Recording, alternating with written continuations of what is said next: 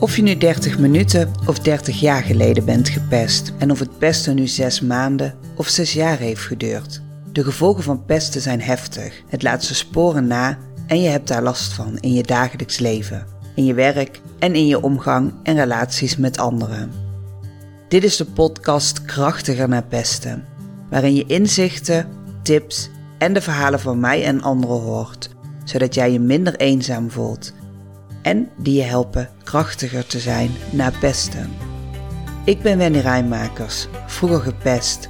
En ik wil eraan bijdragen dat iedereen die gepest wordt of gepest is, gaat inzien hoe mooi zij zijn en dat zij weer in zichzelf gaan geloven. Hallo allemaal en welkom bij een nieuwe aflevering van de podcast Krachtiger naar Pesten. En uh, tevens ook nou ja, niet helemaal de laatste, want er komen ook nog wat interviews.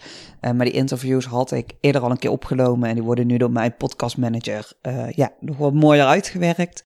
In deze aflevering, voor mij de laatste die ik nu ga uh, opnemen, wil ik het met jullie nog gaan hebben over pesten op het werk. Want helaas stopt pesten niet na de schooltijd. En ook op het werk gaat pesten door. Voor deze aflevering heb ik heel veel gebruik gemaakt van de website van stichting stoppestennu.nl. Zij posten heel veel over pest op het werk via LinkedIn en hebben veel informatie van verschillende onderzoeken verzameld. Nou heb ik pest op het werk zelf meegemaakt. Nou, ergens een beetje, maar niet extreem dat de hele groep tegen me was, maar wel vervelende dingen soms met een aantal specifieke collega's. Wat ik van mezelf wel heel erg herken op de werkvloer zijn eigenlijk twee varianten. Dus of de dominantere collega, waarbij ik eigenlijk heel fel kan zijn en heel duidelijk ben over het naleven van bepaalde regels en daar iedereen ook heel erg aan houdt. Of een wat onderdanigere collega, waarbij ik eigenlijk mijn best deed om het een andere collega naar de zin te maken en onzeker was over wat die collega van mij vond. Nou, inmiddels ben ik gelukkig gewoon mezelf en kan ik aangeven wanneer bepaalde dingen voor mij niet goed voelen of niet prettig voelen, maar ben ik daar minder fel in. En ik ben ook veel nieuwsgieriger naar waarom bijvoorbeeld bepaalde dingen niet worden nageleefd. Ja, waarbij ik ook heel erg kijk naar, hey, wat zou ik vanuit de rol die ik op dit moment in organisaties heb, naast natuurlijk mijn eigen organisatie, wat kan ik veranderen? Welke hulp heeft een collega nodig? Maar ik ken er vanuit mijn eerste werkjaren wel uh, wat ik eigenlijk ook vanuit school herken en de eerste periode na school. Of heel fel of redelijk onderdanig.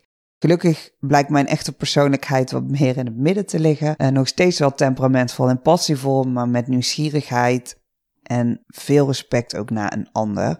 En ik denk dat het daardoor steeds prettiger is geworden ook om met mij te werken. En gelukkig ben ik ook niet meer zo bezig met de mening van ander. Ik kan dus inmiddels veel beter mezelf zijn ja, dat is eigenlijk voor iedereen wel fijner. Nou, wat is er nu eigenlijk bekend over pesten op het werk? Want hoe vervelend is het eigenlijk dat pesten door blijft gaan? Zelfs in bejaardentehuizen en verzorgingstehuizen is pesten nog steeds aan de orde. En daar wordt het wel anders, vind ik. Kijk, dat kinderen pesten en nog niet goed met bepaalde onzekerheden om kunnen gaan, dat is niet gek. En ik kan me ook wel voorstellen dat ze later hulp nodig hebben om dat wel te kunnen, uh, waardoor dus pestgedrag stopt. Maar zowel de pester als de gepeste hebben nog bepaalde skills te leren om zichzelf te kunnen en durven zijn en om een pestgedrag te stoppen. Dus het is eigenlijk heel jammer, en jammer is een understatement, om op te moeten merken dat pest ook in het volwassen leven nog gewoon doorgaat. En ook eigenlijk op de meest bijzondere plaatsen. Nou, kijk bijvoorbeeld naar de politiek. De dag dat ik deze aflevering opneem is de dag na de verkiezingen. PVV is de grootste partij geworden. En ik zeg niet dat alles wat Wilders op het partijprogramma heeft staan slecht is. Maar wat mij vooral raakt in de massale steun voor Wilders, is dat we gekozen hebben voor een minister-president die bepaalde groepen uitsluit. Ja, en nou, ik kan je voorstellen, dat gaat mij heel erg aan het hart, omdat ik juist tegen die uitsluiting ben. Dus sowieso lijkt mij het klimaat in de politiek heel erg onveilig. Als je debatten kijkt of luistert, denk ik niet dat daar een voorbeeld wordt gegeven in wat we nodig hebben als maatschappij. Elkaar onderuit proberen te halen, over elkaar roddelen, niet de hele waarheid vertellen, steeds van mening veranderen. Nou, ik weet niet of je het je nog kan herinneren, Rutte en Wilders die tegenover elkaar zeiden, stonden en zeiden, doe eens normaal, doe lekker zelf eens normaal man. Nou ja, ik weet niet uh, hoe volwassen manier van communicatie dat is, maar ik maak dit gelukkig niet mee op de werkvloer. Daarnaast is er heel veel grensoverschrijdend gedrag ook in de politiek openbaar geworden in de afgelopen jaren. Dus ja, Het beste voorbeeld krijgen wij helaas niet van de leiders van ons land. Ik dwaal er misschien een beetje af, maar ergens heeft het natuurlijk ook een raakvlak, want dat is ook hun werk. Wat is er bekend over pest op het werk? Nou, pesten op het werk, ook werkgerelateerd pesten, dat is ook een serieus probleem wat verschillende vormen kan aannemen. Nou, wat is de definitie van pest op het werk? Pest op het werk omvat herhaalde negatieve handelingen gericht tegen een werknemer of groep werknemers. En die handelingen die kunnen variëren van verbale intimidatie en roddelen tot sabotage van werk en isolatie. Nou, bij verbale intimidatie kun je denken aan schelden, beledigingen, vernederende opmerkingen. Bij sociale uitsluiting kan het dus gaan over het isoleren of negeren van een collega. Bij sabotage is het opzettelijk ondermijnen van het werk van een collega. En daarnaast kan ook nog pesten via digitale kanalen plaatsvinden. Want ook cyberpesten kan op het werk voorkomen, bijvoorbeeld via e-mails, berichten of social media. Gevolgen van pesten op het werk voor het slachtoffer zijn natuurlijk psychologische stress, angst, depressie, verminderd zelfvertrouwen en kan dus ook zorgen voor fysieke gezondheidsproblemen. Maar voor de organisatie zorgt dat voor verminderde productiviteit, verhoogd ziekteverzuim, slechte werksfeer en dus ook reputatieschade. En ik denk dat het goed is dat organisaties een beleid hebben tegen pesten op het werk en werknemers bewust maken van dit beleid. Dat er een open communicatiecultuur wordt gecreëerd waar werknemers zich vrij voelen om pestgedrag te melden. En training van personeel en management over pest op het werk en hoe je mee om te gaan is echt heel belangrijk. Dat in ieder geval de leidinggevende functies het goede voorbeeld daarin geven. In veel landen zijn er wetten en regelgeving die werkgevers verplichten om maatregelen te nemen tegen pesten op het werk. En werknemers hebben ook vaak het recht om klachten in te dienen bij een werkgever of een externe instantie, of ze kunnen naar een vertrouwenspersoon. Alleen heel veel mensen of durven dat niet, of daarvoor geldt helaas dat de leidinggevende zelf de pester is, waardoor het natuurlijk heel moeilijk is om daarvoor naar je leidinggevende te gaan. Nou, welke cijfers zijn er nu bekend over pest op het werk? Om jullie hier meer informatie over te kunnen geven, heb ik gebruik gemaakt van de website van de stichting stoppestennu.nl en gekeken bij cijfers over pesten op het werk. Nou, ik volg deze stichting ook op LinkedIn en zie dat zij heel veel delen over dit onderwerp. En ja, hierbij wil ik toch even wat schokkende cijfers met jullie delen. In een rapport uitgevoerd door de TNO wordt gesteld dat 16% van de werknemers in Nederland te maken heeft met pest op het werk. Op basis van een enquête onder 45.000 werknemers. Op basis van deze conclusie en het totaal aantal werknemers in Nederland, dus ongeveer 8,5 miljoen in 2015 was dat, wordt geschat dat ongeveer 1,4 miljoen werknemers te maken hebben met pest op het werk. Nou, van die 1,4 miljoen werknemers geeft ongeveer 35% aan dat het pesten voortduurt. Waardoor ongeveer 500.000 werknemers per jaar te maken hebben met langdurig pesten op het werk. En het onderzoek waarin wordt gesteld dat ongeveer 500.000 werknemers per jaar te maken krijgen met pesten op het werk, dat is uitgevoerd door TNO, Nederlandse Organisatie voor Toegepast Natuurwetenschappelijk Onderzoek, in samenwerking met het ministerie van Sociale Zaken en Werkgelegenheid. 7,8 van de werknemers wordt gepest op het werk, dus dat zijn ruim een half miljoen werknemers. 1,2 van de werknemers wordt structureel gepest op het werk. Dat zijn ruim 80.000 werknemers. En ruim een kwart van de mensen in Nederland is wel eens gepest door collega's of door een leidinggevende. Nou, pest op het werk heeft grote impact op de mensen die het overkomt en zorgt naar schatting jaarlijks voor 4 miljoen extra verzuimdagen. Dus dat betekent 900 miljoen euro aan loondoorbetaling door werkgevers. Berekend dus weer door het TNO. Dus onderzoek in opdracht van het ministerie van Sociale Zaken liet zien dat de helft van de leidinggevenden en 40% van de werknemers wel is, heeft meegemaakt dat een collega werd gepest. Nou, de impact daarvan is voor alle betrokkenen heel groot. Werknemers die gepest worden, die krijgen vaak gezondheidsklachten, verliezen hun baan en plegen helaas ook soms zelfmoord. En de angstcultuur binnen een bedrijf of organisatie waarvan pesten en intimidatie een teken is, heeft ook veel negatieve invloed op die andere werknemers. Dus ja, hier komt hij weer. Dat groepsproces is ook daar heel erg merkzaam. Ook de kosten voor het bedrijf zijn ontluisterend. Dus 4 miljoen verzuimdagen per jaar. Totaal geschat kosten 2,3 miljard euro. Nou, wat nog belangrijk is, ik noemde zojuist, helaas plegen ook soms werknemers zelfmoord. Mocht jij dit herkennen en met die gedachten zitten, neem alsjeblieft contact op met 113. Er zijn instanties die je hierbij kunnen helpen.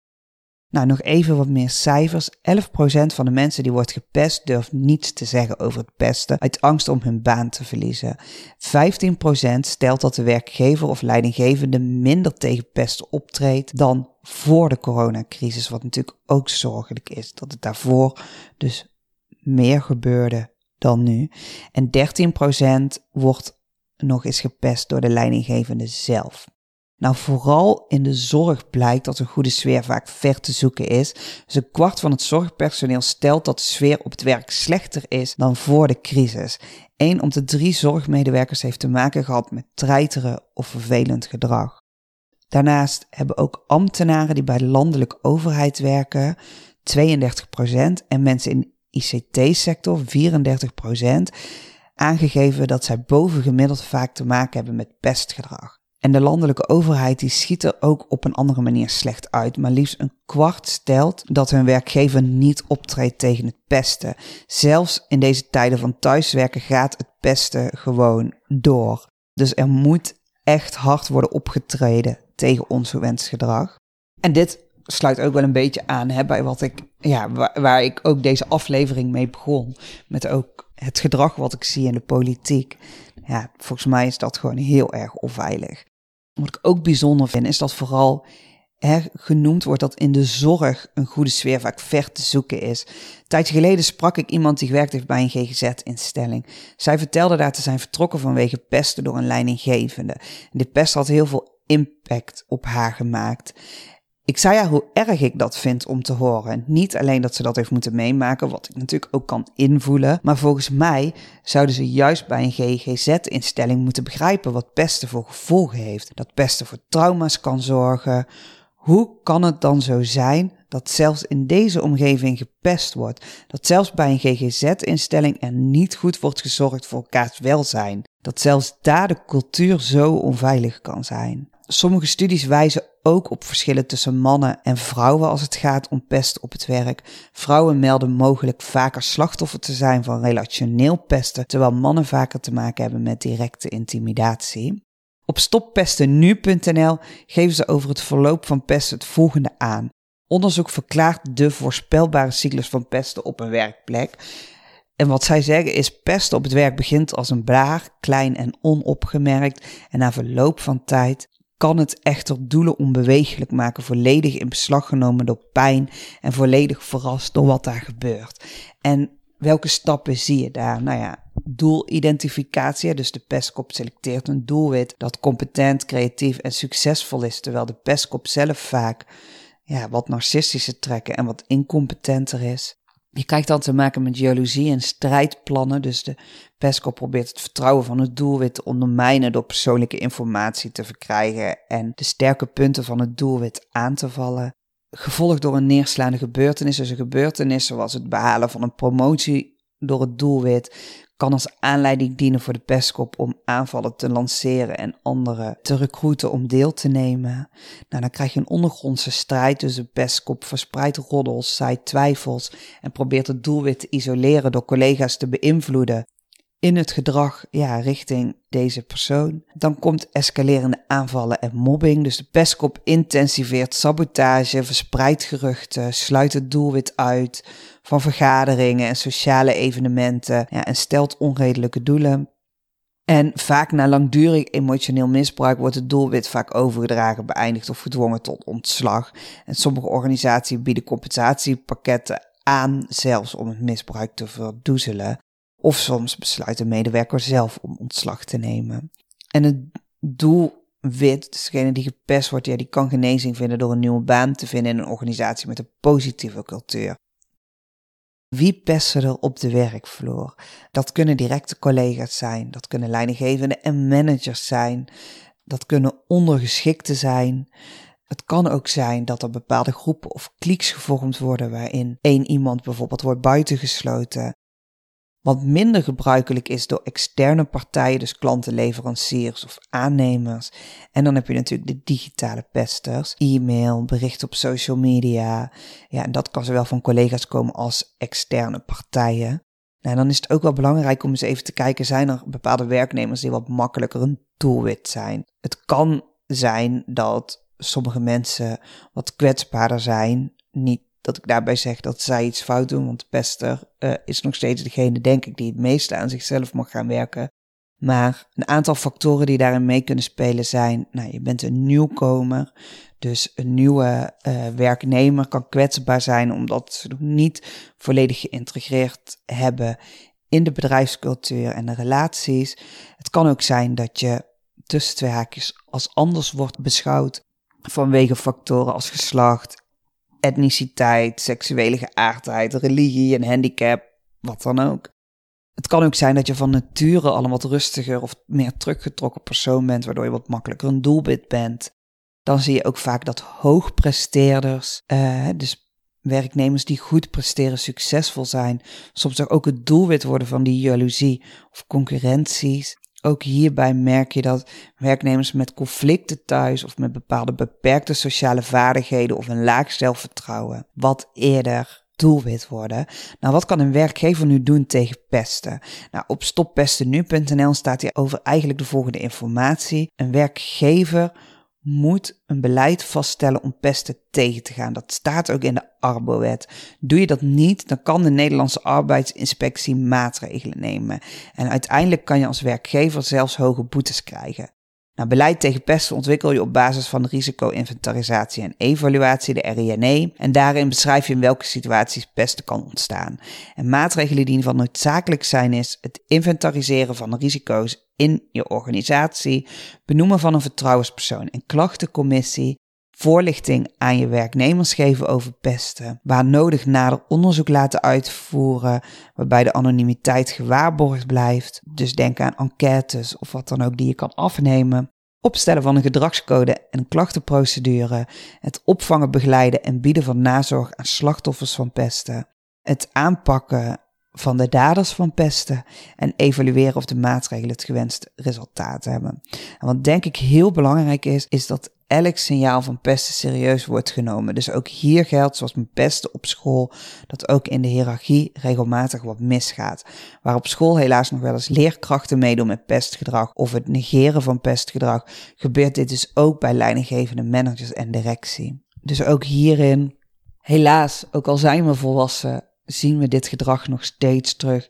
Blijf alert, kom voor elkaar op, help degene waarvan je ziet dat hij het moeilijk heeft en praat met degene die voor die moeilijkheden zorgt. Want wat zit daar nu daadwerkelijk onder? Ik denk dat dat in het beste echt het belangrijkste punt blijft. Wat zit er onder het gedrag van de pester?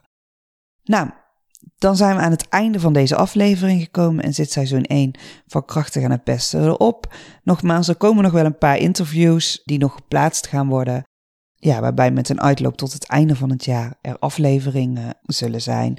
Mocht je vragen of opmerkingen hebben over de afleveringen, hoor ik dat graag.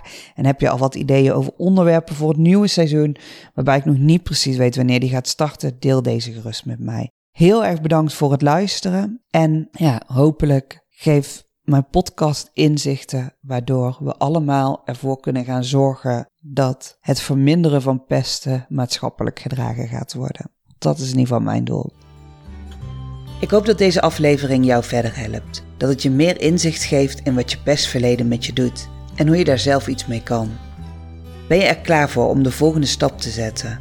Om los te komen van jouw overlevingsmechanisme dat is ingegeven door het pesten en dat zoveel facetten in je leven beïnvloedt? Stuur me dan een mailtje op info@wendyrijmakers.nl. Wil je liever eerst wat meer lezen over wat je kan bereiken en over mij? Dat kan op www.wendyrijmakers.nl. Dankjewel voor het luisteren en tot de volgende keer. En vergeet niet, ook jij mag er zijn. Jouw aanwezigheid maakt de wereld een stuk mooier.